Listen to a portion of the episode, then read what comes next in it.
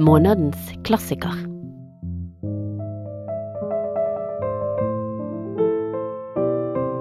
En podkast fra Bergen offentlige bibliotek.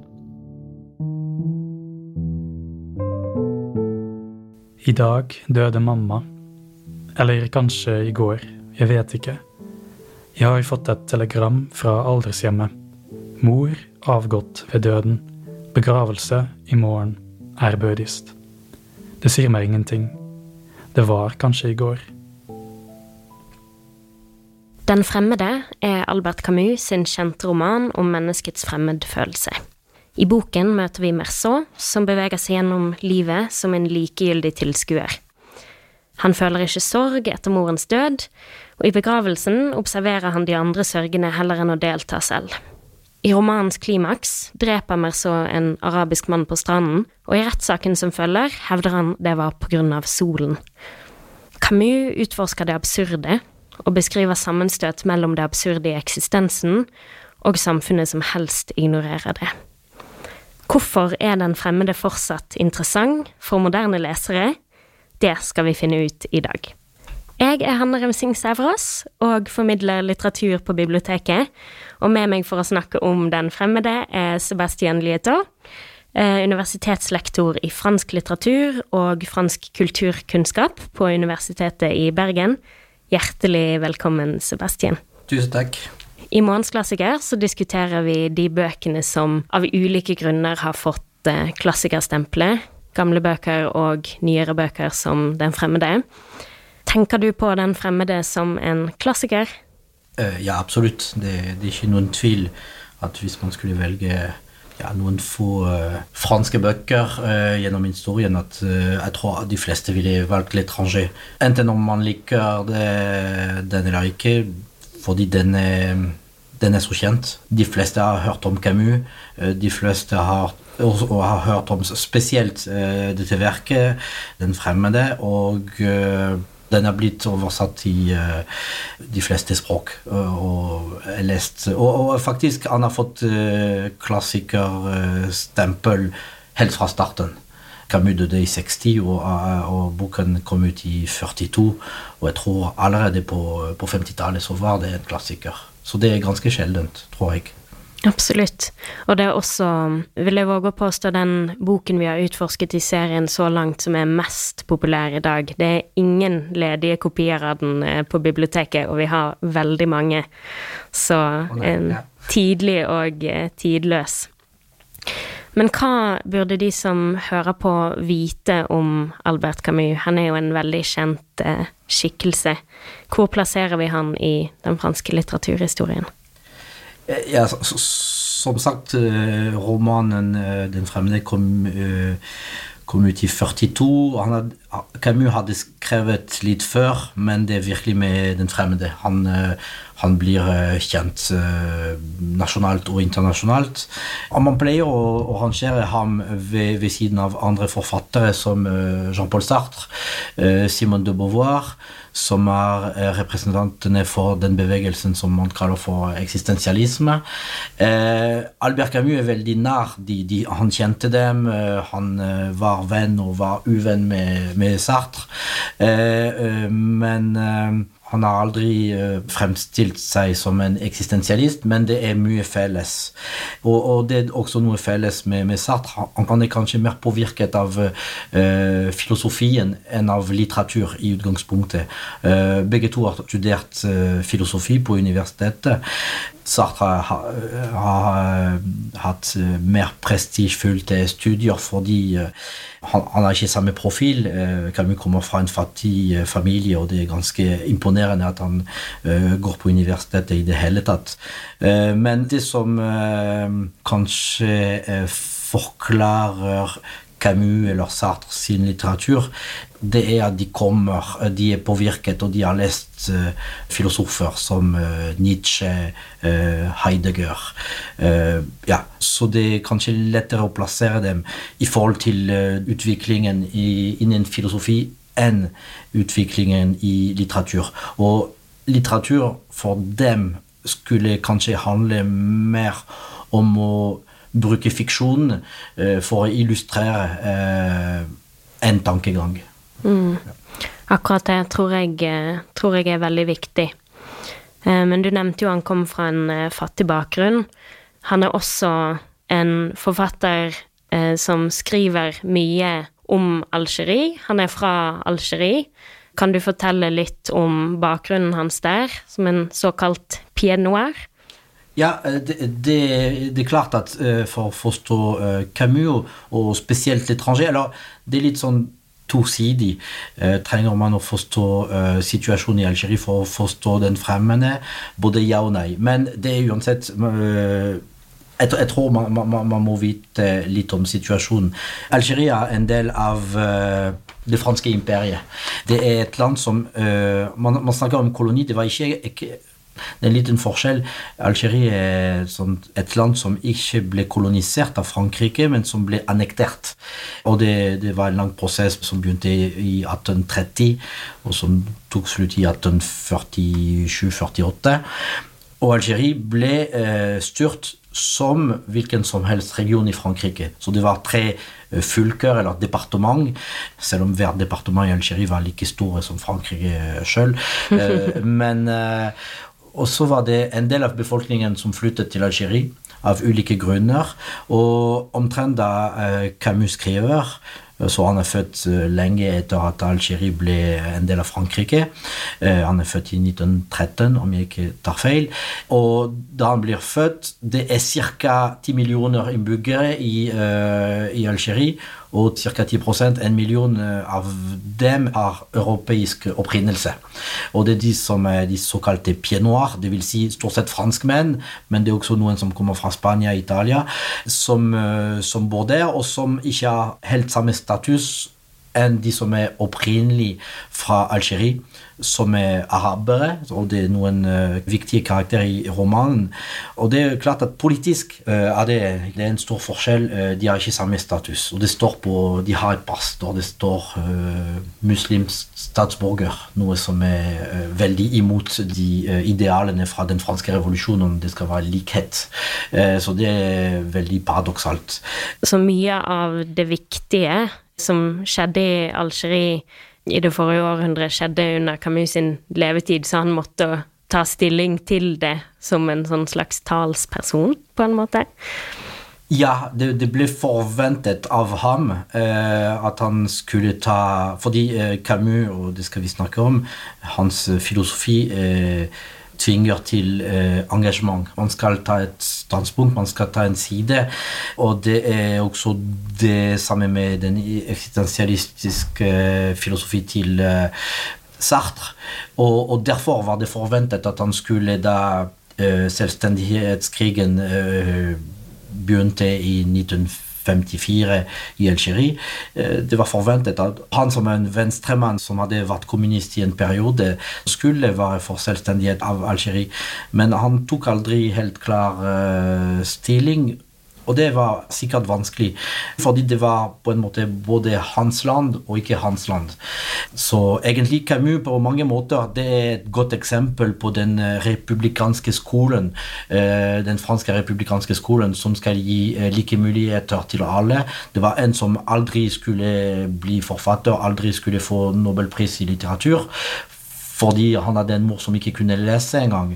Men takket være den franske skolen og takket være noen, eh, noen lærere som så potensialet i, i, eh, den lille Albert Camus, eh, så fikk han studere og fikk han bli den forfatteren som vi kjenner. Han døde jo eh, veldig ung i en bilulykke i 1960, og en av eh, Dokumentene de fant i ettertiden, var jo et brev han hadde skrevet til læreren sin, eh, der han hadde takket han for å gjort han til det mennesket han ble, og takket han til dels for å ha vunnet nobelprisen, og sa det er nesten uforståelig at eh, jeg har vunnet nobelprisen med min bakgrunn, men det er av forbilder som deg. Så jeg håper, håper det brevet kom fram til læreren til slutt. Ja, det, altså, igjen, det er et godt eksempel på at noen ganger så fungerer det prinsippet med likhet, at alle skal få samme, eh, de samme sjansene. Og ja, Camus var veldig klar over det. Ja. Så hva er det som kjennetegner Camus sin filosofi? ja, Camus har gitt oss på en måte nøklene til å litt, Den fremmede, som vi skal snakke om, en sånn en roman som er både lett å lese, men veldig vanskelig å tolke. Men han har gitt oss litt nøklene, fordi han skrev eh, jeg sa at eh, Den fremmede kom ut i 42. Og det samme året kom eh, ut et eh, essay eh, som heter 'Myten om eh, Sisyfos'. Og, og, det er en sånn filosofisk tekst. Og, og det forklarer mye av det han mener i historien til Mørso i Den fremmede. Og det viktigste begrep som man må trekke frem, det, det absurde. Den fremmede skal forstås i lys av den filosofiske tanken eh, det absurde, og Sisyfos, som er en sånn mytologisk skikkelse, er brukt i boken fordi det er en en karakter som blir, blir, dømt av gudene til å rulle en stein oppover et fjell, og når han er ferdig, så faller steinen eh, tilbake, og så han må, og må gjøre det om igjen. Og til slutt. Og så det er virkelig eh, for Camus symbolet til et liv som ikke har noen mening. Det er hardt arbeid, men han må gjøre det om igjen. Og for å forenkle litt eh, boken, men eh, han eh, Camus spør er det en mulighet, kan vi tenke at Sisyfos kan være lykkelig med, med det livet. Og for å gjøre det kort. Han mener ja. Mm. Uh, han mener ja, men man må, uh, man må, tenke riktig. Og når man har den historien i bakhodet, det er den samme Selv om det uh, i historien om, i Den fremmede er litt mer ikke så satt på spisen som den til Sisyfos. Det er mye fellestrekk, fordi det er mye absurde i den fremmede, og det er mye som er kanskje vanskelig å forstå. Men uh, til slutt så stiller spørsmål hva, hva, kan vi gjøre for å være lykkelig? For det er det det handler om for Camus, å finne en, må, en måte å leve lykkelig. Ja. Mm. Og eh, som i Den fremmede, så nevner jo også Camus at eh, Sisyfus skal ikke bare rulle kampesteinen opp, men når den ruller ned igjen, så får han jo gå ned bakken, og da kan han eh, se på naturen og tenke seg litt om, og det er jo litt sånn det er med Merso også i lommene av romanen, der han eh, gjør de tingene som gir han glede. Absolutt. Jeg jeg tror virkelig at uh, Camus har hatt uh, Sisyfos i tankene når han beskriver livet til, uh, til Mørso i Den fremmede. Og det er mye likestrekk. Det er ikke tydelig, fordi den historien er veldig vanlig. Uh, en vanlig mann som har kjæreste, som går på jobb, og som har venner. og så, så, så det, det, er veldig banalt, men samtidig det er mye som Og det er våre liv. Det er det vi lever. Vi, vi, går, på, vi går, på, jobb, vi har venner. Og så en dag Vi vet at vi dør en dag. Men så, så, så, det er mye som ligner, og det er mye absurde i våre liv. Så så det er mange likhetstrekk med, med Sisyfos. Mm, så det er mye i Sisyfos som forklarer hvordan Camus ser på livet. Og eh, da skal vi endelig over til boken, og den starter jo på en måte som er kjent over hele verden. I dag døde mamma, eller kanskje i går. Jeg vet ikke. Hva er det som er så spesielt med måten denne romanen åpner? Det, det er akkurat vi, vi, begynner, uten kanskje å, å, vite det, men vi begynner med det absurde. Det er ingenting som er så brutalt som døden. Det er, eller nå har vi nettopp snakket om uh, filosofien uh, hos Camus. Det handler om å finne lykke, selv om vi vet at vi alle dør en dag. Og det, den romanen begynner nettopp med noen som dør, og det kan ikke være noen uh, for hovedkarakteren. Det er, mor, det er, moren til hovedkarakteren som dør. Så, så, det er veldig brutalt. Men samtidig det er kontrasten med måten uh, han fremstiller det. Det er bare faktabasert. Veldig korte setninger. I dag eh, døde mamma. Og, kanskje i går. Og, og det, er, det, er, ingen følelser. Og så etterpå, litt seinere i samme avsnitt, han leser en sånn telegram som han har fått av sånn gamle hjemmet der moren bodde. Og så han leser det, og han finner ingen tegn på om hun døde i dag eller hun døde i går. Og han sier det, det, det forsvinner kanskje i den i den uh, norske oversettelsen, men på fransk det står 'Cela ne veut rien dire'. C'était peut-être hier, så det, det, betyr ikke noe. Det var kanskje i går. Eh, men når, han sier at det betyr ikke noe, eh, det er både at eh, det er ingen tegn i selve telegrammen som viser at det er i dag eller i går, men samtidig han eh, egentlig formulerer helt fra starten uh, det, det er at, meningsløst for han. nettopp at verden er, meningsløst. Meningsløs. At det er ikke noen mening med livet. så ne veut rien. Det har ingen betydning. Det har ingen signifikasjon. Eller, ja. Så det ser man kanskje ikke helt fra starten, men når man leser det på nytt, ja, det er tydelig at allerede fra første stund så forstår vi at uh, Meursault lever i en verden som ikke har noen mening. Mm. Og disse ordene kommer jo tilbake igjen og igjen. Men det er også noe annet uh, som er slående fra starten, og det er jo at uh, språket er ganske direkte. Det er ganske enkelt, og det tror jeg fanger mange lesere. Hvordan bruker han språk og form? Ja, det, det, ja, det stilen og, eller uh, språket i uh, den fremmede har, blitt mye kommentert. Og det er noen har kalt det er sånn uh, hvit stil, eller transparent, eller det, det, det, er veldig flatt. Det er veldig enkle setninger, og det, de du leste i dag, det, mamma, du kan ikke gjøre det kortere, enklere.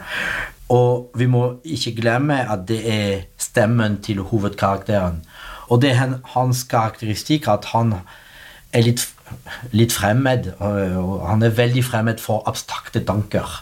Så verden for ham er enkel. Det er eh, observasjon, det er empiri. Han, han ser Han uh, har uh, kroppslige følelser. At han kjenner Han kjenner uh, ting gjennom sansene. Han sanser verden men han reflekterer ikke over uh, abstrakte ting, og det, det, det skal vi uh, sikkert snakke om, mer om. Og derfor er denne stilen enkel. En uh, manifestasjon, om, om, det er et norsk ord, mm. eller en Det viser hans karakter og hans måte å være på i verden. Hans, hans måte å være på i verden. Absolutt.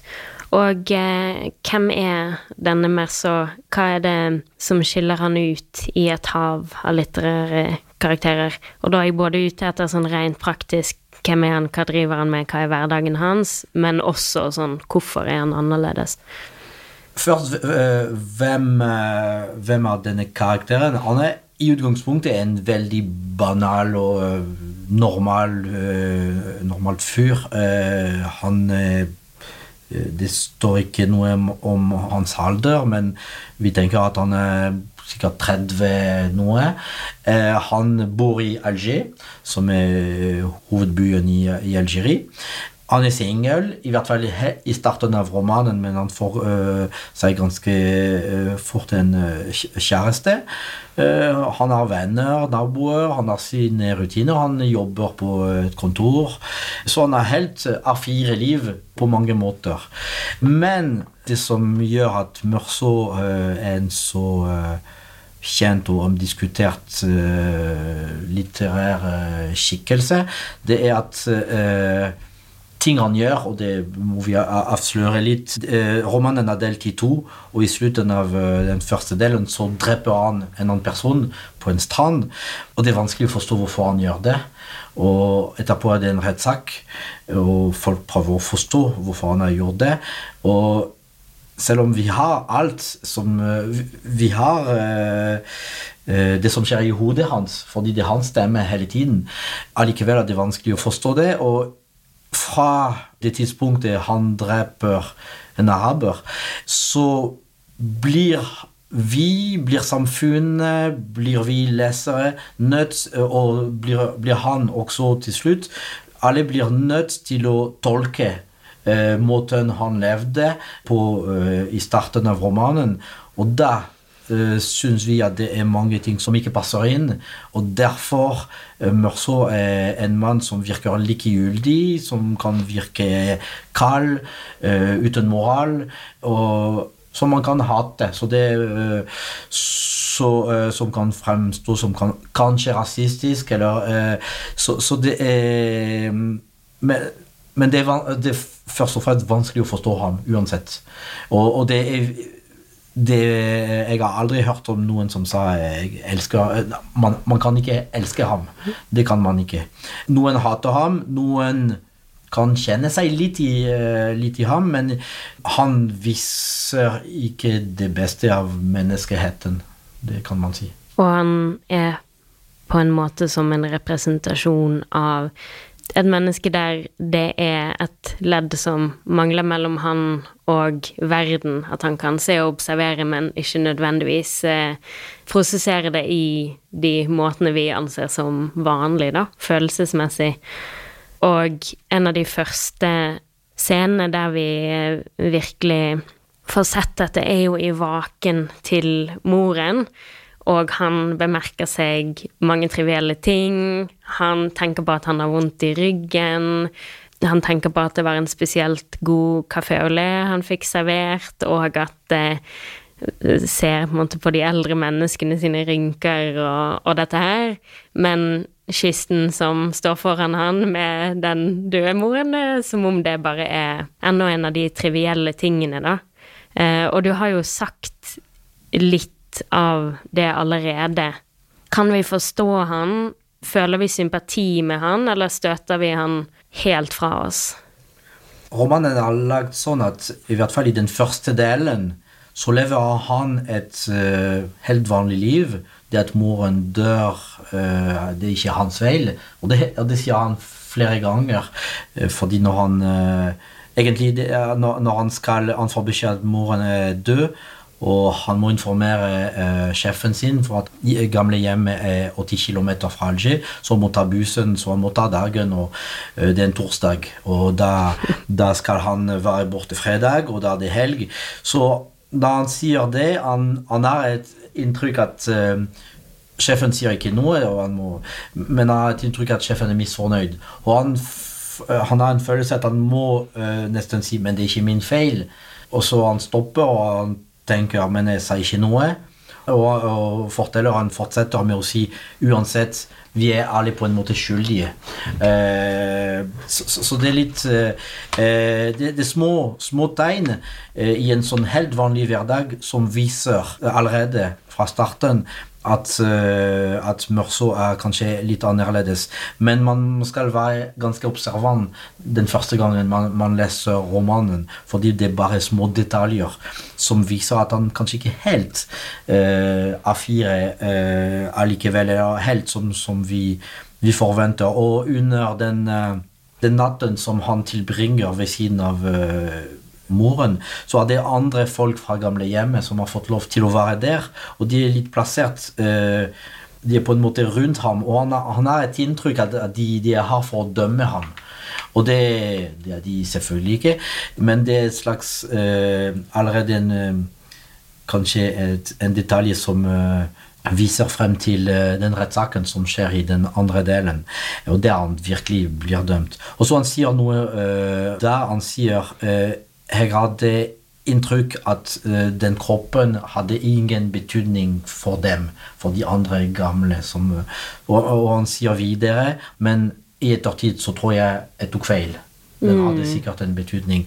Så uh, det er helt fra starten at det som betyr noe for de andre, er ikke det samme til det som, det som betyr noe for ham. Uh, og han er virkelig det Meursault er virkelig en karakter som lever i nuet. Og det at moren er død, hun bodde langt uh, unna ham, det forandrer ikke hans liv. Og døden det er noe abstrakt. Så han tenker ikke så mye på, på, døden. Det betyr ikke at han ikke har en tilknytning til moren. Og flere ganger i romanen seinere han tenker på moren sin. Han, Absolutt. eh, så, så, så han er ikke helt likegyldig, men den kroppen har, betyr ikke noe for ham. Men det som betyr, noe for ham, det er som du sa, at han har kanskje vondt i ryggen, at det, den, eh, det lyset i, rommet er veldig eh, sterk, men man kan ikke dimme den. Det er enten avheller på, så det må være på, men det er litt ubehagelig. Og det er den kaffen han drikker, det er den sigaretten han røyker, som egentlig er helt naturlige små ting, men i ettertid blir han dømt for å ha røykt og nyttet kaffe med vaktmesteren. Eh, så, det er alle disse små detaljene som får en ekstra betydning når man skal virkelig se eh, hvordan han eh, levde på med, med en lupe. Mm. Og videre så gjør han mer eh, dagligdagse ting, og uten at eh, dette med morens død eller begravelsen har noen særlig innvirkning på det. Han spiser, han bader, eh, han starter et kjærlighetsforhold, som du sa. Eh, og der er det jo også sånn at eh, hun på et tidspunkt spør hva han gjorde i går. Og bare, Nei, jeg var i min mors eh, begravelse, og så nok, nok om det. Og så hjelper han også eh, sin nabo eh, som en hallik, en pimp. Eh, Raymond Sintes. Han eh, kaller seg sjøl lagersjef, men vi skjønner jo at han ikke er det. Og han hjelper han med å straffe en kvinne, skrive et brev eh, som ender med eh, fysisk vold for eh, kvinnen, da. Men han tar ikke noe moralsk standpunkt eh, til det. Og det kan vi jo også snakke om, men det som skjer etter det, er jo eh, det mest skjebnesvangre i romanen. Han skyter og dreper en arabisk mann på stranden. Kan du fortelle om den scenen? Det er det flere episoder, men først så er det en eh, Egentlig det er disse tre mennene. Det er Meursault, Sentes og Masson som er på stranden, mens eh, damene jobber med på, på kjøkkenet. Eh, så de, de tar en tur, og de treffer disse to araberne. Og så Masson sier du tar den ene, jeg tar den andre, og hvis det dukker en tredje, så skal Mørso ta den, den tredje. Så de er klare til, til å slåss. Men det viser seg at uh, Santes har en eh, pistol med seg, men de, de, de, de blir enige om å ikke bruke det. Og så de, de slåss, og så plutselig, på et tidspunkt, så tar en araberne en, øh, en kniv og han sårer Sentes. Og så forsvinner de. Og så de blir enige om å gå tilbake til huset. Masson sier det, han kjenner en lege, så legen kommer. Han pleier litt såret, som er overfladisk. Han har et sår på armen og på, og på munnen. Og så Sentes er misfornøyd, han han er sint, han er blitt såret, og han, øh, han er en øh, Han sier det sjøl, han, han har mye temperament. Og så han Det er ikke alt som er lett å forstå, men de, de bestemmer å gå, å- om å gå ut igjen, eh, Masson, for å eh, For å kanskje finne roen. Og så Han er alene nå, denne gangen, men med, med Mørso. De er på stranden. De ser igjen disse to araberne. De er, det er litt spesielt fordi de sitter. De er litt fornøyd fordi de har klart å såre, å såre Santes og hevne seg mot ham. Og så er det litt små detaljer som uh, Ja, for eksempel at Merceau har fått Han har tatt pistolen, eller bedt om å få pistolen, sånn at Renan Sintes ikke skal ha den. Han sier 'jeg tar den'. Absolutt. Han sier øh, ikke gjør noe dumt, og uansett hvis de ikke gjør øh, Du skal ikke uh, skyte på ham sånn uten grunn. Du må ta det som en mann. Man bruker bare pistolen hvis det er nødvendig. Så han har pistolen på seg. Og så Det, det er litt sånn små detaljer som er litt rare. Jeg øh, husker at han Mørso, som er stemmen som, øh, som forteller, han observerer at en av de to uh, arabiske menn har uh, mye mellomrom mellom trådene. Og det er litt helt uh, Hvorfor skriver han det? Og det er en, et tegn på at Mørso er et veldig øh, han ser ikke abstrakte ting, men han syns dette var interessant. Han syns det var litt uh, overraskende, så han, ja, han noterer det, eller han sier i hvert fall det. Og så det som skjer, at vi tror at det skal bli en uh, ny øh, clash, men det, det gjør ikke uh, arbeiderne for, forsvinner. Og så det, det virker som uh, Sentes uh, har fått litt mer ro når arbeiderne forsvinner, og så han går tilbake til huset, men av en uforklarlig ja, det, det, det er vanskelig å forstå. Mørso gjør ikke det. Mørso blir på stranden, og man føler at solen er for sterk. At han ikke gidder å gå hjem. Eh, han blir der, eh, solen for sterk, men samtidig han blir der og han begynner å svette også. Han, han vil gå mot eh, vannet, antageligvis for å få litt uh, vann på ansiktet. Og så det som skjer, at han ser igjen en av de to araberne. Og det er avstand. Han har pistol med seg. Det er en tilfeldighet. Det, det, er avstand mot dem. Men Arab, uh, den arabiske mannen han uh, tar ut en kniv. Som glitrer i solen og gjør enda mer for at han får enda mer lys. Nettopp. Og, det, det er litt det, eh, man, man må lese det jeg var overrasket. Jeg leste, eller jeg hørte Camus lese den romanen i går. Eh, fordi han, det er en fin versjon der han, han leser romanen. Og eh, jeg la merke til at det er mye fiendtlighet. Og den eh, ordforrådet som er brukt i den scenen, det ligner på en sånn eh, kamp. Han snakker om eh, en sånn en pluie de feu, en regn av uh, ild eller av uh, fire. Eller, uh, og, og det, det, det, ser ut som man blir presset mot av solen, av elementene, av den stranden. Han blir presset mot araberen, og plutselig, ut av ingenting, han skyter en gang. Og så han skyter fire ganger til. og det en gang det er vanskelig å forstå, fordi han er ikke i direkte fare. Og det blir en, en detalj som blir diskutert i rettssaken, fordi eh, dommeren vil virkelig vite hvorfor Han skjønner ikke at han, han skyter én gang og så fire ganger til. Han trenger ikke det. Men han gjør det, og det er da eh, livet til Mørso eh, Blir snudd på hodet. Nettopp. Heten fra den brennende sola traff kinnene mine, og jeg kjente svettedråpene hope seg opp i øyebrynene.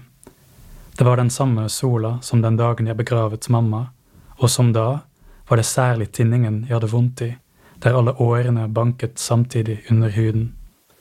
På grunn av denne brennende smerten, som jeg ikke lenger kunne holde ut, gjorde jeg en bevegelse fremover. Jeg visste at det var dumt, at jeg ikke ville bli kvitt sola ved å ta et skritt forover. Men jeg tok et skritt, et eneste skritt frem. Og denne gangen, og uten å reise seg, trakk araberen kniven, som han viste frem for meg i solskinnet.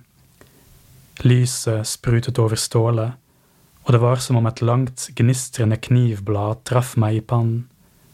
I samme øyeblikk rant svetten som hadde samlet seg i øyebrynene, plutselig ned på øyelokkene mine og dekket dem med et tykt, klamt slør.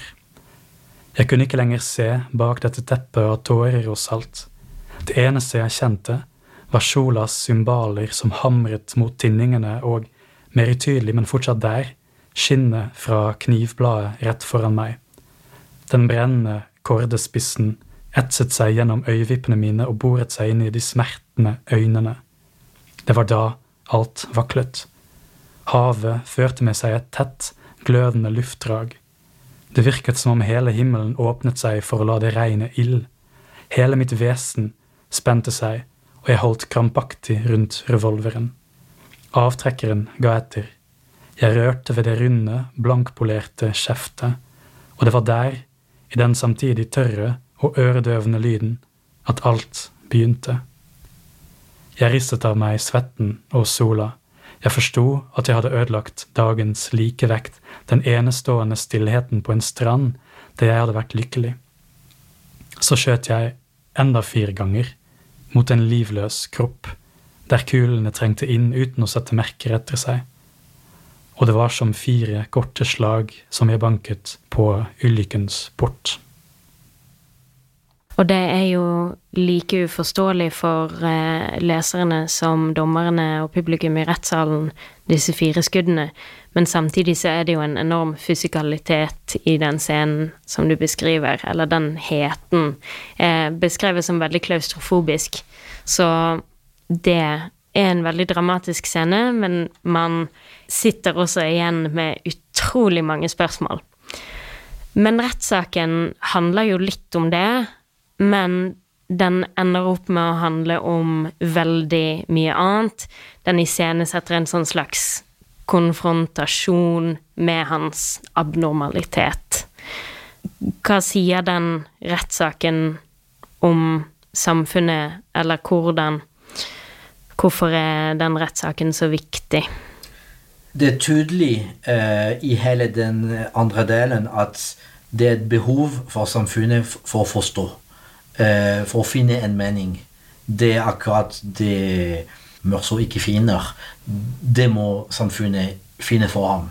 Eh, hvorfor eh, eh Det er klart eh, Etter den scenen Man har inntrykk som leser Man har inntrykk at han dreper pga. solen. Og det virker som en helt absurd grunn til å drepe noen. Det, det, det er ingen som dreper pga. solen, men allikevel, det er det man opplever i den scenen. At eh, solen er for sterk, og han uh, blender ham, og han uh, Mister besinnelsen. Nettopp. og han, han, det, Solen er sårende. Det, er ikke en sol som belyser, det er det, motsatte. Eh, så, så det, er ikke nok for samfunnet. De må finne en grunn. og Selvfølgelig det er den historien med Santes, og at han hjalp ham. Men det er klart at de uh, I rettssaken så graver man. Uh, så, så det, det, er flere karakterer som prøver å forstå og tolke Mørso.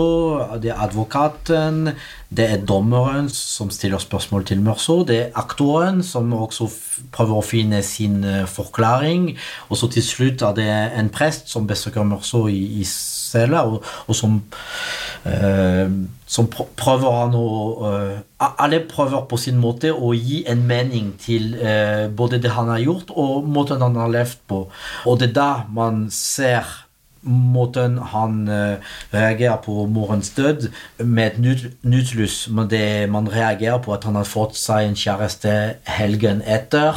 Uh, at han går på kino og ser på komedier rett et, dagen etter begravelsen. At han Eh, og det verste er at han ikke visste noen tårer under begravelsen. Så det, det, er et spørsmål som blir stilt til, til de som var på begravelsen. Har, uh, gråt han?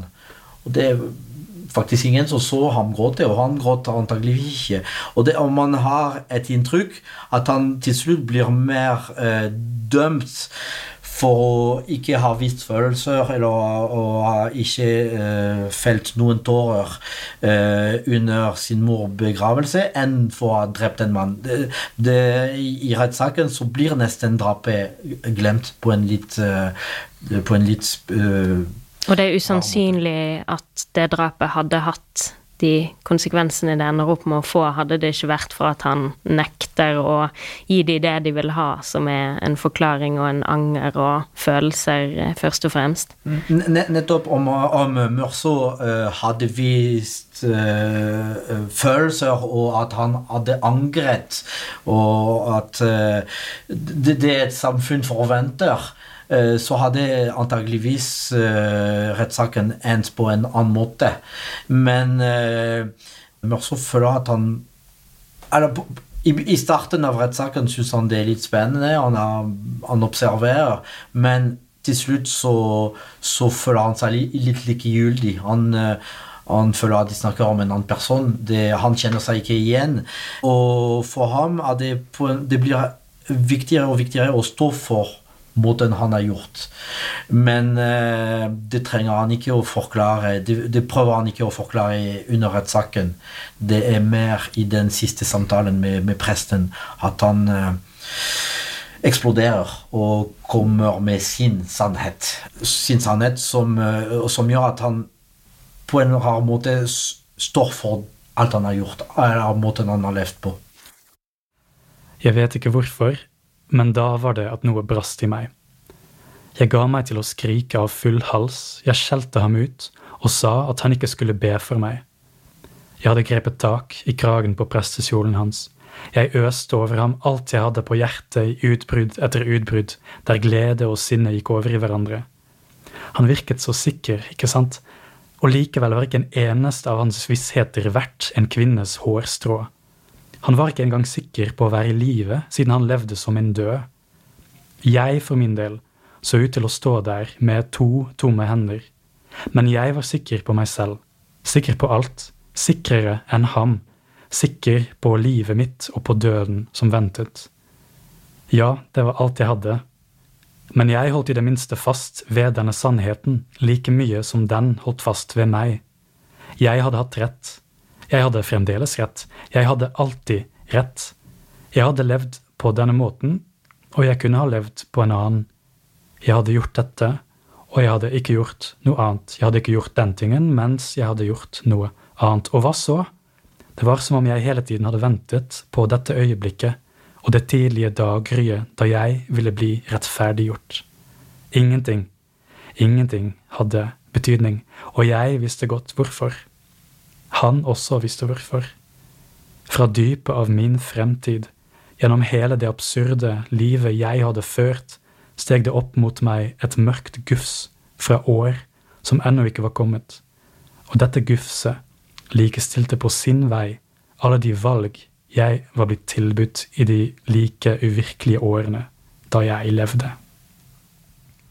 Og det at han gjør det, kommer jo som en direkte konsekvens av at han blir dømt til døden, og da er jo spørsmålet Endrer det hans innstilling til livet? For vi har jo denne konfrontasjonen med presten, og det virker nesten som den ikke ville skjedd hadde ikke eh, dette livet som han har hevdet at ikke har mening, blitt eh, truet med å ta fra han, da, eller at han kan se slutten. Ja, det, det at han blir uh, dømt, uh, eller det, det, at det foregår en rettssak der han er i hovedfokus, og det at han blir dømt til døden, det tvinger uh, Mørso til å reflektere over hans liv, noe han antageligvis ikke hadde gjort ellers. Så det er klart at først, det er mange som prøver å tolke ham og det er tydelig for ham at de ikke forstår det. De tolker feil. Og, det, og en annen ting er at han blir dømt til døden. Så hvis han skal finne på en ikke på en mening med livet, men hvis han skal forklare hvorfor han har levd, så må han gjøre det nå. Fordi han, fra den eh, dagen han blir dømt til døden, så vet ikke han hvor mange dager han har å leve på, og det er ikke mange dager. Så han har litt press på seg. Så det er klart at den situasjonen at, at, han kommer til å dø snart Alle kommer til å dø, men han vet at han kommer til å dø snart. Eh, det presser ham til å reflektere. Eh, og, og det, det Mørso forandrer det, det, er en karakter som forandrer seg. Han er ikke den samme. Eh, han er på en måte det, samme person. Eller han anerkjenner at han kan være som han er, og fortsatt f.eks. For være lykkelig. Ja, han, han ser han Fordi for, Fordi alle mener i rettssaken at han har levd på en feil måte. og at han, eh, Men når han ser eh, tilbake på sitt eget liv fordi han er tvunget til det, han ser at han, han har vært lykkelig. Og han ser at han kan fremdeles være lykkelig. Og det er, selv om han er i en stresset, presset situasjon i cella og venter på døden. Han ser muligheten til å, til å være lykkelig fremdeles. Litt som Sisyfos. Mm. Og på en måte så snur den siste delen av romanen eh, det som har kommet før, eh, veldig på hodet. Samtidig så beskriver han at han åpnes for verdens ømme likegyldighet, som er en veldig fin beskrivelse, eller at han måtte ser på verden som en bror, for litt som mer så, så er jo den øvrige verden tross alt likegyldig til mennesket og alt vi holder på med og, og tenker. Men den siste setningen, den er utfordrende. For at alt kunne fullbyrdes, og for at jeg skulle føle meg mindre ensom, gjensto det bare å ønske at det kom mange tilskuere den dagen jeg skulle henrettes, og at de ville ta meg imot med hatefulle rop. Hva er din tolkning av det? Ja, det, det, er, en, det er ikke et lett spørsmål. Uh, Som en god filosof. eh, først uh, Avslutningen Jeg har sagt at Mørso har forandret seg på en måte. Han er den samme, men han har gått gjennom en prosess. Og det er, hvis man, Vi har snakket om stilen, og det er tydelig at stilen det er en kontrast med slutten av romanen i forhold til eh, starten. Starten, Vi eh, kommenterte at det, var veldig enkle setninger, ikke mange følelser. Sånn veldig flatt uh, stil. Mens de siste sidene de er veldig poetiske, og de er veldig mystiske. Eller det, det, er vanskelig å tolke. Og jeg, uh, når du spør meg hvordan jeg tolker det Jeg, jeg pleier å undervise i om å ha undervisning på universitetet om den fremmede, og jeg liker å spørre studentene hvordan de tolker det. Og det er på en måte det er en måte å ikke svare på hvordan jeg tolker det. Fordi jeg vet ikke helt hvordan man skal tolke det. Det, det er veldig gåtefullt. hvorfor forventer han mange tilskuere, og hvorfor forventer han hatt rop den dagen han blir henrettet? Men jeg, min tolkning, eller sånn jeg eh, forstår det, det er at han har vært gjennom en prosess der han har sett at egentlig det er ikke noe mening med livet, og at verden er likegyldig. Det er ikke noe moral, uh, Ting skjer fordi de skjer. Det, det, det er ikke noe han har brukt uh, og, og, og, han snakker om uh, rett før Han snakker om uh, l'indifference du monde, den verdens likegyldighet. fordi verden har ikke i seg selv moralske forventninger. Og han på en måte har levd sånn i den verden. Han har levd i nuet, han har levd i naturen, og det er ikke noen moral for ham.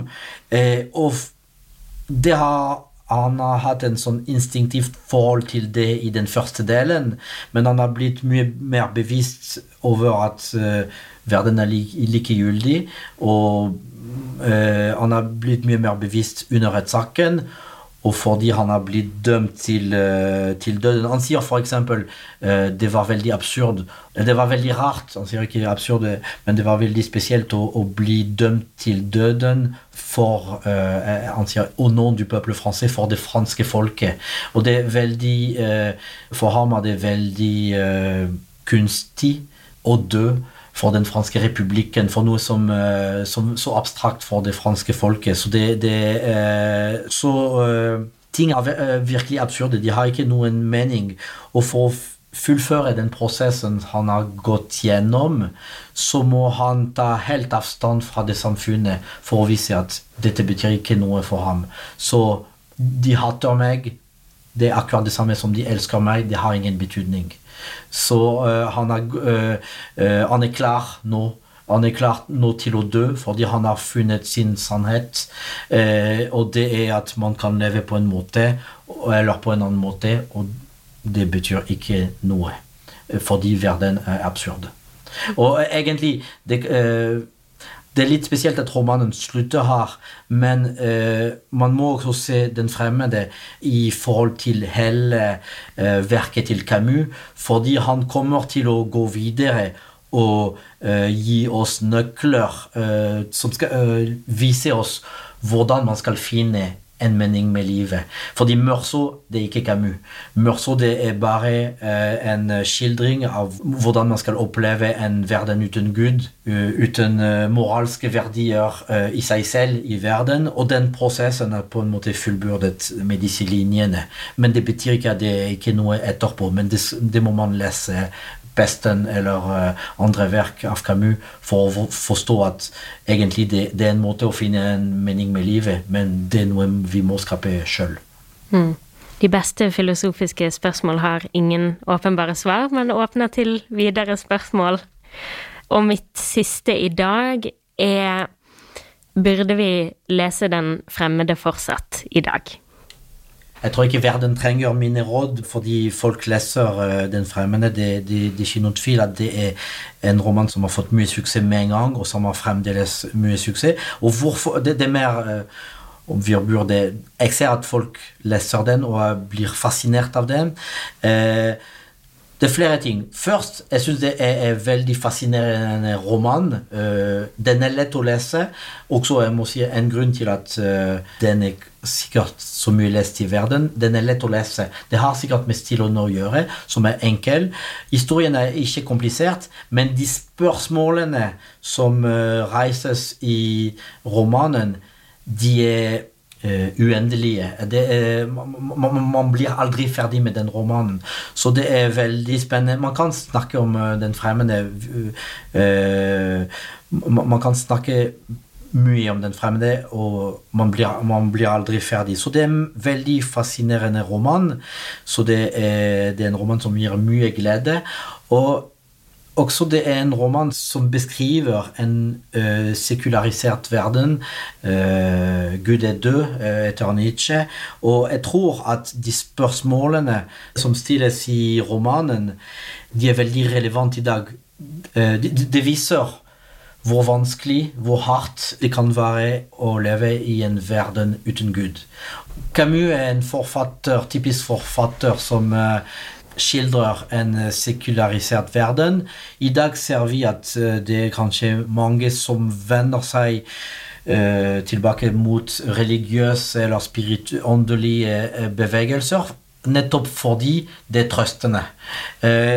og det er Mørso prøver jo, han prøver delvis å finne trøst, men han er så opptatt av sannheten at han ikke vil eh, lyve for seg selv. Og hvis han ikke tror på Gud, så kan han ikke uh, han har ikke sett Gud, han har ikke opplevd det guddommelige, og derfor må han leve sånn. Han, han jukser ikke, i hvert fall. Det er noe Man kan ha det uh, mørso, men han, uh, han jukser ikke med sannheten. Og derfor er det vanskelig å leve, øh, å leve, som øh, ham. Og jeg tror nok at den romanen er veldig aktuell og veldig, kan være veldig viktig for mange. Fordi den kan gi nøkler, nøkler til folk for Igjen, det, det er mer med kanskje øh, de andre romanene til Camus, kanskje 'Pesten', som, som kommer etterpå, at man, man ser at uh, man må finne sjøl uh, Skape sin egen mening med livet. Men uh, den fremmede viser uh, på mange måter hvor vanskelig det er å leve med et sånt livssyn, der, der man føler at verden er likegyldig. Og det jeg tror ikke noen Jeg tror ikke Mørso er en karakter som folk eller leseren kommer til å elske, men man på mange måter vil man føle at det er en sånn litt spesiell uh, karakter, og av og til uh, ikke alltid sympatisk, men allikevel, jeg tror man, de fleste kan kjenne seg litt igjen. Det er noe uh, Det er litt mørso i alle oss, vil jeg tro. I en verden uten Gud så kan det være noe betryggende i det, selv om de færreste av oss er så fremmede som Merceau, så har alle opplevd det, den følelsen av å fremmedgjøring. Jeg tror alle opplever, eh, om man er troende eller ikke, jeg tror eh, alle opplever at av og til eh, det er vanskelig å finne mening med livet. Det tror mm. jeg. Det er felles for menneskeheten, vil jeg tro. Ja. En strålende bok som alle burde lese, og da kan jeg til og med si eh, den er ikke ledig, men sett deg på venteliste hvis du ikke har lest den allerede. Tusen eh, hjertelig takk, Sebastian. Tusen takk for invitasjonen. Som om det store raseriutbruddet hadde renset meg for alt vondt og tømt meg for håp, åpnet jeg meg for første gang, i denne natten fylt av stjerner og tegn, for verdens ømme likegyldighet. Ved å kjenne at den var så lik meg, ja, som en bror, følte jeg at jeg hadde vært lykkelig, og at jeg fortsatt var det. For at alt kunne fullbyrdes, for at jeg skulle føle meg mindre ensom, gjensto det bare å ønske at det kom mange tilskuere på den dagen jeg skulle henrettes, og at de ville ta imot meg med hatefulle rop.